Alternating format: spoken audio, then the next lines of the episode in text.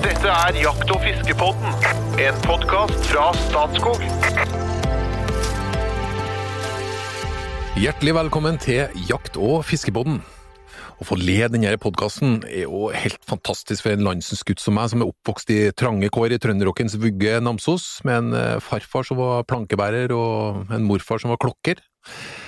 Eh, Så sånn sett så er det jo et lite eventyr, og en av de viktigste skikkelsene i eventyret er som en Espen Askeladd, en som går på alle utfordringer uten motforestillinger, seirer som regel til slutt og vinner kongsdattera og halve kongeriket. Hjertelig velkommen til deg, informasjonssjef i Norges Jegerfisk, Espen Farstad. Jeg håper kjæresten min hørte på dette. Den andre er mer som faren til prinsessa, som Espen Askeladd fikk. Kongen som ba Espen eh, om å tømme kjøttbua med 300 tønner kjøtt i løpet av natta. Mann med fem frysere, fullstappa med viltkjøtt, i tillegg til at den utnytter alle hulrom i storfamiliens eh, frysere. Hjertelig velkommen til deg, doktor Jo Inge Bresjeberget. Ja, takk for det. Hei, hei. Hver femte laks tas nå i et kalka vassdrag, og prisen på det har passert én milliard. Og det er jo faktisk litt av en historie i norsk forvaltning. Med oss i dag for å fargelegge den historien, og komme liksom litt under huden på kalkingas historie, hjertelig velkommen tilbake til deg, Øyvind Fjelseth. Jo takk. Og for eh, de 4000 nye lytterne eh, siden siste uke, så må du kanskje eh, si noen ord om deg sjøl. Jeg jeg er eh, en som er glad i kalk. Ja. Eh, Så jobber jeg i Norges Jeger- Fiskebund som eh, Det er ikke mange som, som ser når de, når, når de interesserer seg, jeg er glad i kalk. Ja, ja, ja, jeg vil jo ikke ha beinskjørhet og det som er her. Ja, ja, Nei, altså, nei kalk må en ha. Eh, Både vi og, og naturen. Eh, og så jobber jeg som fiskekonsulent i Norges Jeger- og fiskeforbund, og så er jeg ansvarlig redaktør i det viden kjente fagtidsskriftet PH-status. PH-status, ja. Ja, ja, ja. Tidsskriftet for eh, kalking og sur nedbør. Oi! Sånn skal det være. Så det er et eget tidsskrift for det? Jeg er jo gæren. Ja, ja, ja. Ok, det har vi holdt på med nå i ja 25 år. Ja. Det er eh, Ja, vi hadde 25-årsjubileum i fjor, faktisk. Nei, av en eller annen grunn så har jeg faktisk ikke fått med meg det tidsskriftet. Nei, det det, det er just navn. Nei, men det er, det er ikke det. Jo, men, det er, ja, men altså, det er, jo- dette er jo et fagtidsskrift for de som er opptatt av sur nedbør, sur nedbørproblematikk, kalkingsvirksomhet, som jo er et sørnorsk fenomen. Dette er lite av i Namdalen, for å si det sånn. Så mora di har vært plankebær eller klokker eller hva det var, så hadde han nok lite med dette å gjøre. Og Du, du må følge med, men det var ikke mora mi som har vært plankebærer. Nei, nei, jeg tenkte jeg hadde en assosiasjon til at du bar staur, jeg, men jeg vil la nå det ligge. Og bort med deg nå, det ikke noe altså. Men du, Jo Inge. Ja.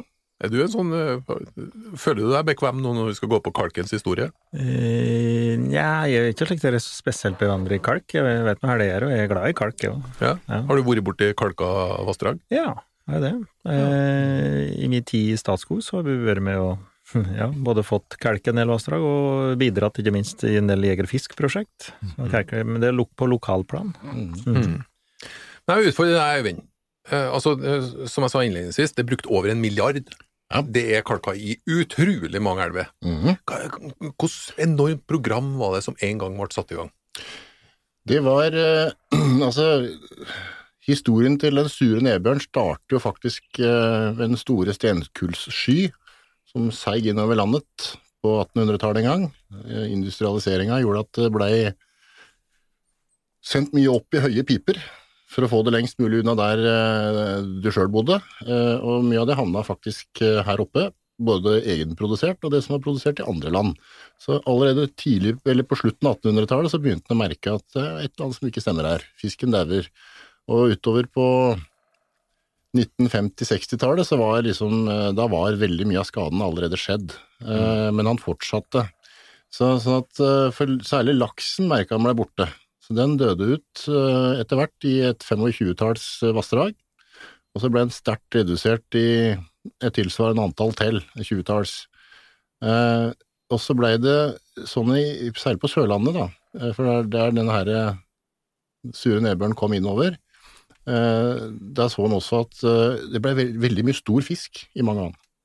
Okay. Så, så den som har et langt manns minne, husker at på 70-tallet så var det slett ikke noe dårlig fiske etter stor ørret i deler av Agder. Okay. Eh, Og det var, det var rett og slett en effekt at det var ikke noe ung fisk som kom inn, så de som var igjen, var de siste i veldig mange tilfeller.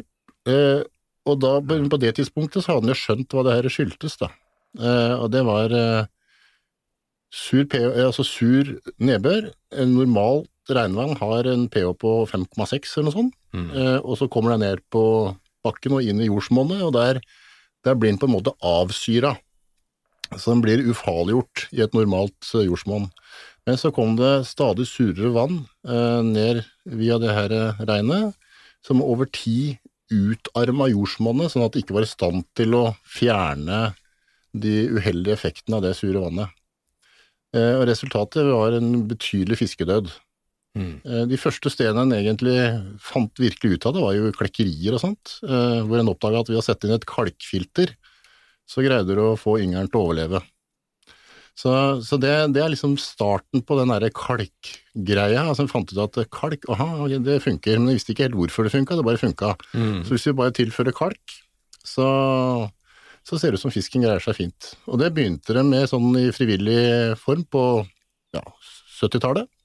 Gjerne foreninger og grunneierlag og sånn som gikk sammen og de kjørte med scooter og Weasler og alt mulig rart, kalklass innover på innsjøene og spredde utover isen og gjorde det på alle mulige måter, og lagde kalkbrønner i bekker, som gjorde at eh, det vannet som kom rennende inn i disse her innsjøene, var på en måte avsyra, eh, og det funka.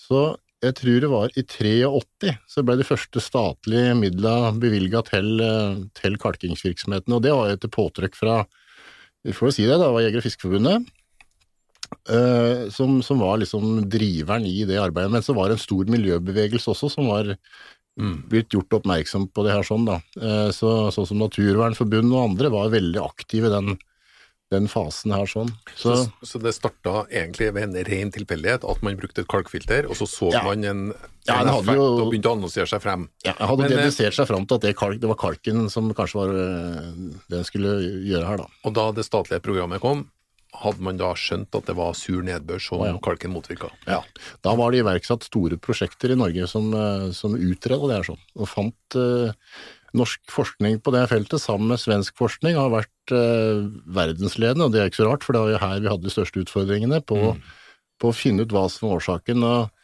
etter hvert så fant man ut at eh, det var ikke nødvendigvis den lave pH-en i seg sjøl som drepte fisken, men det var aluminium som blei felt ut, da, sånn enkelt sagt, fra jordsmonnet og inn i det her vannet hvor fisken var, og så setter det seg på gjellene til fisken, dette er veldig enkelt forklart, og så drepes fisken da som følge av det. Og da er eh, særlig yngel utsatt, da, av laksefisk.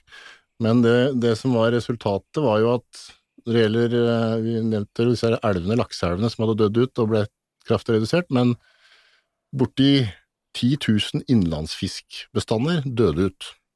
Mm. Og ca. 5000 ble kraftig redusert.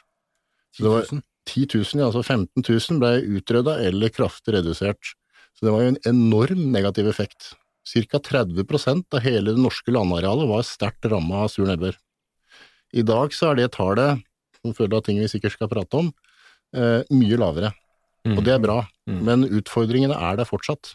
Eh, og årsaken til at det har blitt mye bedre, er at vi på, ut på 80-tallet så fikk vi på plass eh, internasjonale avtaler, sånne protokoller hvor Göteborg-protokoller. Blant annet. Göteborg-protokollen, og så var det en Oslo-protokoll, og så ble det en eh, revidert Göteborg-protokoll utpå uh, 1990-tallet, som gjorde at eh, flere og flere land ble enige om å redusere utslippene sine av svovel og nitrogen. Først, Mm. først svovel, så nitrogen, som er liksom driverne i det her, den der forsuringa av regnvannet. da. Jeg må vel skyte inn litt der, for at dette ehm, Dette var jo en politisk, en hard, tøff politisk kamp. Eh, det ene var jo at vi eh, i Jeger og Fisk jobba veldig hardt politisk på Stortinget for å sikre bevilgninger over statsbudsjettet til kalking. Mm. Som jo på en måte er akuttiltaket som setter i gang her. Det var den ene siden. Og så er det den andre siden, er som Øyvind sier, dette med protokoll, altså det internasjonale arbeidet. Fordi vi måtte jo gå til kilden å strupe kilden for sur nedbør til Norge. ikke sant? Og den ligger jo i Du sa jo ikke det, men det, det er jo liksom Med de rådende vinner vi har, så er jo det liksom England, eh, Tyskland eh, Polen, ikke sant, som, som, som bruker mye brunkull og all den der problematikken som vi hadde der, som pumpa opp til oss. Og det var tunge politiske kamper eh, også inn mot EU-systemet for å få dem med på dette. sånn. Daværende miljøvernminister Torbjørn Berntsen gikk jo så langt Han blei jo så forbanna på eh, miljøvernministeren i England at han kalte den en shitbag! En drittsekk! og det, det er jo et kraftig uttrykk i et eh, sånn derre bilateralt forstand, ja. eh, politisk arbeid. Ja, så Det ble jo noe avisoppslag og noe greier rundt det, og det var jo, men han innesto for det, altså, for han syns ikke at vi fikk nødvendig forståelse for, at, for den problematikken som det var, at de dytta sin dritt over på oss. Og vi snakker om 15 000, og Berntsen sa det rett ut, at uh, sur nedbør er den største enkeltstående menneskelige negative påvirkningsfaktoren på norsk natur. Altså det er, ingen, det er ikke noe annet eh, vi har gjort mot naturen som har hatt så stor negativ effekt. Nei, det er jo enormt. Altså, ja. dette var, I Tyskland så var det en viss fokus, eh, for der hadde du store, store skader på skauen som følge av den, og det er mer den rene sure nedbøren. da. Så Det var ikke aluminiumseffekten, men det var en sånn en skogdød som var ganske formidabel. som en som Veldig synlig og ja, i som stor skala. til det, og det frykta han jo veldig i Norge òg, for skognæringa er jo ekstremt viktig, viktig i Norge. Så, sånn at eh, eh, så det, det var en stor bekymring, og mye av som den bakenforliggende driveren i at Norge var veldig tøffe og dyktige for ski i de her eh, forhandlingene. Og for svenskene så var jo det samme, ikke sant. Skogindustrien der er også veldig viktig. Så det derre muligheten for at du fikk skogdød over store deler av det sørlige Sverige og sørlige Norge, det, det, det liksom var eh, Det var nok en ganske kraftig driver, det også. Så, så det var, eh, dette var en tøff kamp, og vi, hadde, vi hadde meget dyktige politikere den gangen som, eh, som jobba gjennom gode avtaler, og resultatet har jo vært eksepsjonelt godt til internasjonale avtaler å være. Her har en, altså hvis, hvis klimaavtaler og sånn hadde blitt fulgt opp på den måten her, sånn, så hadde, det jo, hadde jeg ikke bekymra meg det minste for klimaendringer. Ja, hva hva Nei, har skjedd? nei, her har han altså Svovelutslippet har blitt ekstremt kraftig redusert. Og det har jo resultert i at de områdene i Norge som tidligere så var ca. 30 snaut ja, pluss-minus 30% som var sterkt påvirka av sur nedbør. Du sa kanskje ikke hen de områdene her? Ja, Sørlandet i stor grad, så Agder, Telemark, men så drar det seg da bortover mot altså Sverige har jo en stor kalkingsvirksomhet, så det så drar seg gjennom Innlandet og okay. ikke sant, den veien. Eh, Men, eh, men det er mye innlandskalking, da. Eh, I dag så er de det, Altså i 2020 så er det vel estimert at det området vil være ca. 5% av det norske landarealet. Fortsatt et enormt område. Og det høres jo ut som ok, nå har vi løst det, vi har liksom gått fra 30% ned til 5 mm. Don deal, vi er ferdig, dette går fint. Men utfordringa er at forsuringsskaden er gjort på jordsmonn osv. Eh, fordi når du har utarma jordsmonnet, da eh, Her må du ha inn en kjemiker til å forklare virkelig godt hva det, det innebærer, men når du har utarma jordsmonnet, så tar det lang tid før du får bygd opp en bufferevne, eller en bufferkapasitet, som er i stand til å ta imot den naturlig sure nedbøren. Da. Så i dag så er i disse områdene så er naturlig sur nedbør også forsurt. Så det betyr at, eh, at de forsuringseffektene da, de vedvarer, og kan nok vedvare ganske lenge. Derfor så fortsetter vi å kalke i, i de her elvene som, eh, som det ellers kan se fint ut på kartet. At ok, her er det jo nå ikke mer nedbør eller nedfall enn at det skulle vært greit, men på grunn av at vi har hatt dette problemet siden slutten av 1800-tallet fram til vi begynte å kalke eller begynte å redusere utslippene, så, så er skaden så stor at det tar lang tid før han får bygd seg opp. Mange tiår. Hvor lang tid det tar, det veit vi egentlig ikke, så derfor så blir det jo bevilga fortsatt eh, ja, rundt 90 millioner kroner på statsbudsjettet til kalking. Eh, mye av det går til lakseelvene, men også nå til innlandsfiskekalkinga. Mye av den er blitt borte, da. Særlig Innlandet og, og eh, gamle Vestfold, Mm. Buskerud har blitt Og så- Jeg har lyst til å legge til der, da. Altså det, det lages jo sånne handlingsplaner for kalkingsvirksomheten. Ikke sant? Hvilke vassdrag og hvordan, og, og hvordan optimalisering og alt de holder på med. Men, men, og da står det formålet med kalkingsvirksomheten i Norge. Grunnen til at vi har liksom politisk aksept for å gi 80 millioner kroner fra statsbudsjettet, det er mye penger, ikke sant? Ja. Og som du sier innledningsvis, en milliard, sånn hvis vi begynner å summere opp i, over alle år, ikke sant? Så er det altså at Det ene er at vi skal restaurere naturen og ivareta på en måte det biologiske mangfoldet og, og, og prøve å, å restaurere. Det andre er at vi skal ivareta fritidsfiske. Mm. For det har en samfunnsverdi. Ikke sant? Fiske, sportsfiske, har en samfunnsverdi. Ikke bare lakseelven, som du sier, men de er selvfølgelig blitt veldig viktige her etter hvert. Men, men, men også i store områder inn, inne i innlandet på, Mm. på vannet. Og det, og det står en særstilling i Norge, sportsfiske. Altså, det, Ja, ja. Det er ekstremt viktig i Norge. Det er en folkeaktivitet, for å si det pent. Og det er jo hjemla, holdt jeg på å si, i en masse dokumenter og planer. Sånn, altså, det er friluftsmeldinger, det er handlingsplan for kalk, det er overalt. ikke sant? Og det, det er, bare for å ha sagt det, det er også veldig viktig at noen ivaretar dette, for det sikrer oss politisk velvilje til bevilgninger, så vi faktisk kan gjøre dette. ikke sant? Men det, men det starta liksom for alvor. Det var akseptert både årsak og eh, behandlingsmåte. I 1983 da kom staten inn og sa at dette er noe vi må rydde opp i. Vi må prøve å begrense sur nedbør som kommer fra andre land. Og så må vi inn og behandle eh, skadene som allerede har skjedd. Ja. Og så sier du, du, du snakker om jordsmonnet, men kan du si for en som ikke vet faktisk helt hva som skjer? Tømmer man liksom kalk ut i bekka? Ja, Eh, det, det, er to litt, det er litt forskjellige tilnærminger. Når det gjelder lakseelvene, så er det så, sånne altså, veldig ja, Nokså avansert, da. det er ikke så teknisk avansert, men det er ja, kalkdoserere. Så det er hvor du har kalksiloer i praksis, hvor det blir fylt på kalk, og så blir det dosert eh, for å opprettholde en, en jevn pH.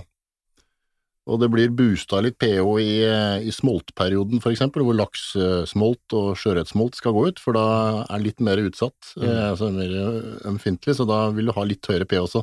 Det er veldig sånn nøye eh, stemt.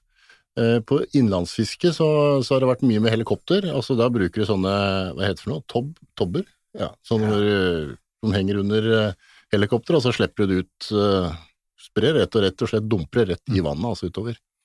Eh, og så finnes det også noen sånne kalkingsflåter, eller det finnes en av dem da, hvor du har svære kalkboller, og så spruter du en sånn kalkslørry ut, ut i vannet, og så blander det seg. Eh, og det fungerer veldig greit i innsjøer som ikke har for stor eh, omløps, eller for kort omløps, omløpstid. Da. Eh, omløpstid er bare den tida vannet i snitt er i vannet.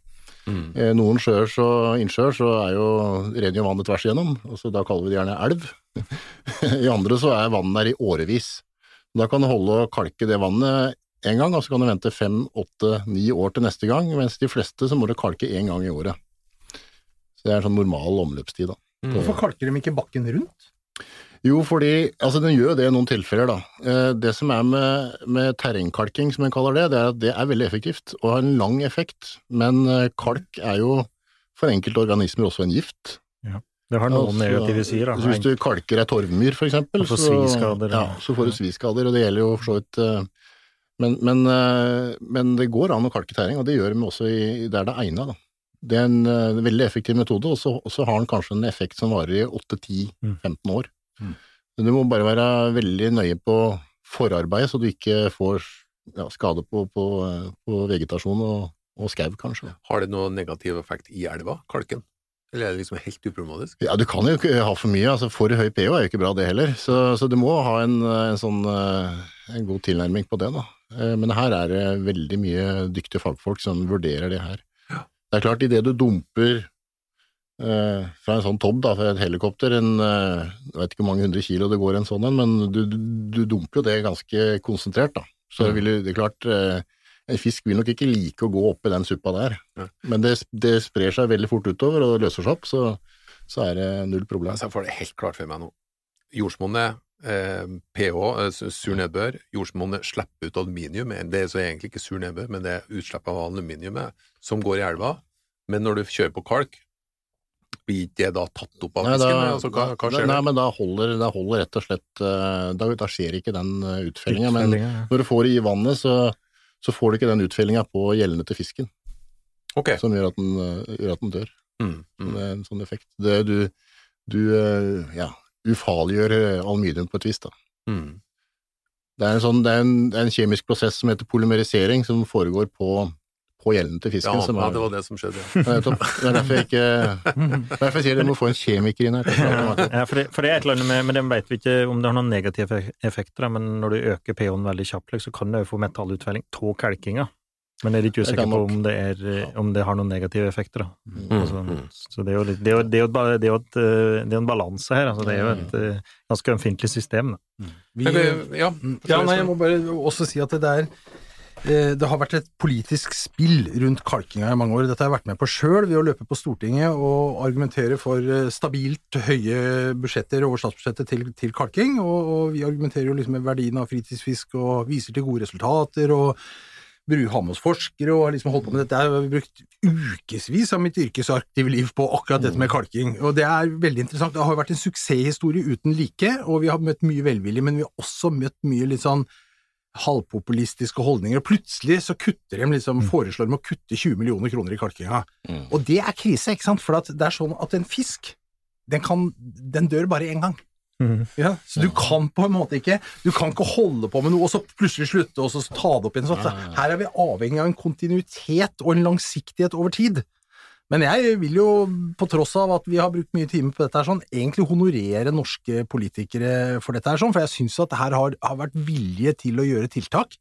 Eh, og, det, og det har en ja, det har en enda større effekt enn at vi bare liksom høster av kalkinga, fordi det viser også at det nytter. Men, ja, ja. Dette, dette kom over oss, vi hadde Ja. ikke bestilt dette, vi.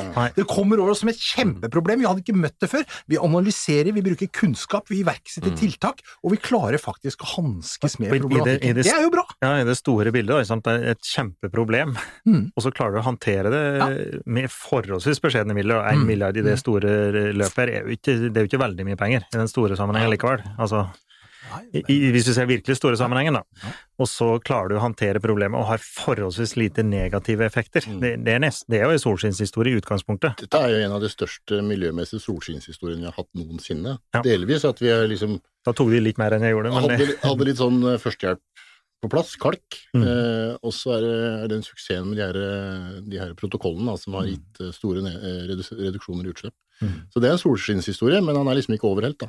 Nei. Det er jo det vi, eh, vi, er liksom bekymra for, fordi det er jo et pedagogisk problem.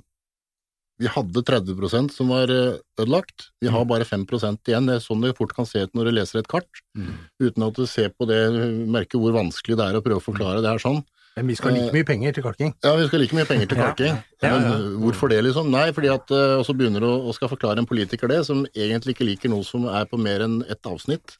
Så, så det er egentlig ganske krevende oppgave som det, er litt, det er litt sammenlignbart med den der eh, unngå spredning til mårhund, det prosjektet som vi hadde i en episode. Som kom, et stort prosjekt, finansiert annet fra Norge.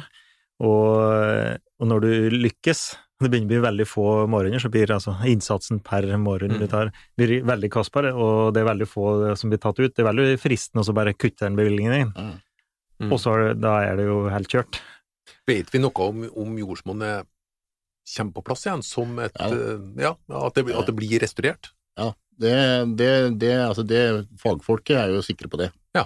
da. Så det, det, en ikke helt uh, veit, da, er hvor lang tid det tar. Mm. Eh, i Så vi har ikke områder- områder der det har skjedd?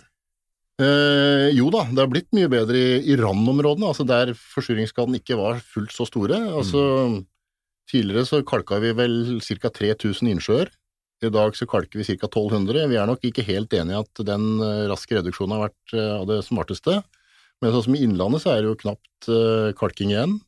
Eh, I Buskerud, som, eller Buskerud-delen av Viken, da, som jeg kommer fra, så er det jo knapt noe kalking igjen. Og samme med Vestfold-delen av Viken, og Akershus-delen av Viken. Altså her, Viken, da, hele Viken. Der er det knapt noe kalking igjen, men utfordringen er at i de her områdene så er det alltid noen lommer med dårligere be- berggrunn delvis, og dårligere jordsmonn, som gjør at det fortsatt er forsurringsskader.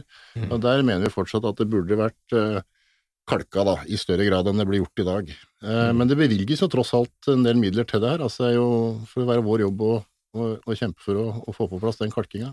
Det slo ut mye bestander, så er det satt ut fisk igjen? Ja da. ma mange av de plassene der er fungerer godt? ut, ja. Og i, i mange av dem så var det en restbestand som uh, tok seg opp. Ja. Uh, og det har liksom vært en, en sånn tematikk, særlig i Agder, vil jeg si, da, hvor jeg sa det var veldig bra med stor ørret der på 70-tallet, Og så restaurerer du i praksis vassdraget da, sånn vannkjemisk, eh, og så overlever alt. Så har du gode, gode gytemuligheter, og alt Ja. overlever. Ja, og det gjorde at Det er noe med eh, i deler av Agder, eh, noen ville si hele, men eh, det er jo ikke det hele da. Det er, I deler av Agder så, så, så ble det nok veldig mye småfisk en periode. Da. Men det er en sånn overgangsfase, sier jeg. Det, det er jo en, egentlig bare et bevis på at ting eh, går greit, får ski. og så får vi håpe at det stabiliserer seg på et eh, litt høyere nivå da. Mm. Og den som kjenner Agder fra riktig gammelt av, de sier at det var jo ikke kjent for å være så mye stor fisk der før. eh. Så det er Kom an på hvor i Agder det var. Det. Stikk, stikk til de som bor i Agder. Eh, ja. Men så gjorde vi, det er jo vi, internasjonale protokoller, kalking, men vi gjorde et tredje tiltak også. For å ivareta sportsfiske oppi dette sånn. Mm. Det ble satt ut arter som var forsuringstolerante. Ja. Det, Oi, oi, oi. Ja, det var, det, var den gangen. Ja, ja, nei, altså Bekkerøye, for, for, som Ja, eh, noen har hørt om sikkert. Ja, Salvelinus fontinalis. eller Kildeørred på, på dansk. Det er kanadisk bekkerøye? Ka- eh, ja, ja, eller Bekkerøye kaller vi den bare på norsk. Da. ja. Ja. Den, eh, den tåler ganske godt lav pH, så den ble satt ut i alt fra små myrhull til store innsjøer. Så, så den, og den har overlevd veldig mange steder. da. Og finnes det fortsatt en dag i dag. Det er en fremmedart, så den burde jo selvfølgelig ikke vært der, men uh, den ble satt ut, og det ble satt ut krysninger mellom uh, diverse laksefiskarter, får å si. Uh, og de fleste av dem har jo blitt borte da, og så er det vanlig ørret igjen. Ja, Bekkerøy er det mye av. Bekkerøy er det en del av Ja, noen, en del Jeg har vært nede og fiska sjøl. Ja, ja, ja, det er jo Altså, den skal ikke, skal ikke være der, men det er jo en veldig fin fisk når du får noe sånt. Ok. så det, det har ikke skjedd noen krise Alle. Jo da, det, det er ikke bra. Men Ja. eh, det smaker godt. jeg hadde egentlig tenkt å gå ned for landing nå og si at dette er jo en fantastisk suksesshistorie, men Men betinget for at hvis man stopper nå, så blir det overhodet ikke noe suksesshistorie. Nei, som jeg sa, en fisk dør bare én gang, ikke sant? Utholdenhet. Mm. er det, absolutt. Eh, Det, er- det finnes jo en historie om, eh, om kalk også i vår organisasjon, fra 60-tallet, tror jeg. Vi hadde en, For noen, en del år tilbake så hadde vi en, en generalsekretær, og han var før det sånn reisesekretær i Jeger- Fiskerforbundet. Eh, Han het eh, Søylen.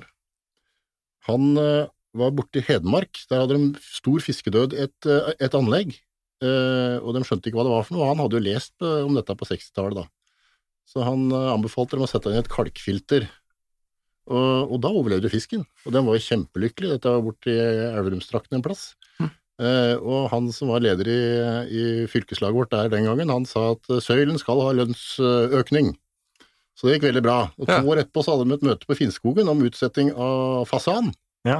Og da hadde Søren sagt at det var det dummeste han visste om, det var rein reveåte. Ja. Og da skulle den avsettes. Ja.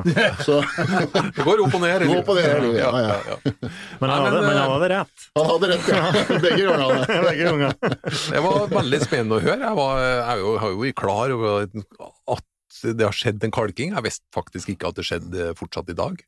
Eh, Men at det er en, eh, faktisk en stor eh, norsk suksesshistorie, jeg synes det var ganske artig å gå gjennom. Og etter denne sendinga så vil jo det tidsskriftet om PH selvfølgelig Ja, ja. få en renessanse, tenker jeg. Det er enda, finner- enda, enda til blitt digitalt. Du finner det på hjemmesida til Jeger og Fisk, og det, jeg syns jo dette er jo også historien om hvordan det organiserte Sportsfiske-Norge faktisk har jobba konstruktivt eh, og samfunnsnyttig, og lykkes. Og lære. Ja. Ja. Kjære lytter, jeg håper du eh, syns det var artig å være med på kalkingens historie. Eh, Om ei uke så er vi tilbake med nye eventyr fra Jakt- og fiskebåten. Følg oss gjerne på Spotify og iTunes og Facebook og Instagram og hvor du vi enn er. Vi er faktisk litt overalt. Men før vi går helt ut, så skal vi ha en liten hot or not. Ja. Er dere klare, folkens? Ja, men Øyvind Fjellseth, du svarte ikke. Ja. Ja, men mye, jeg jo sånn da. jeg er født klar, jeg. Så jeg trenger ikke spørre om det. Ok, raske svar. Hogstmaskin, hot or not? not. Uh, Jeg syns det er tøft. Det er tøft. ja, vi kan lære oss ikke uten hot. Dessverre. er Nei, jeg har for mange, jeg har for mange kompiser i du var veldig tydelig, Espen Farsen. Ja. Trøndertiur, hot or not? Hot, hot, Ja, det er sikkert hot, det. Vladimir Putin, hot or not? not. Vi sier hot, det. Ja, ja. Hvithai, hot or not? Hot. Ja, hot. Hot, ja. Ja. Fiskepinner fra butikken, hot or not? Hot. Not. Ja, not. Ok. Nei, men da Det her ble en sånn god blanding, egentlig. Men dere trodde kanskje vi var ferdige? Nei, vi har ikke. Vi skal ha et samstemt hot her til slutt. Åge Aleksandersens legendariske Norge med Norge og Esposen med sko. Hot or not? Not. Det var hot for alle sammen. Takk for følget. Vi høres igjen om en uke.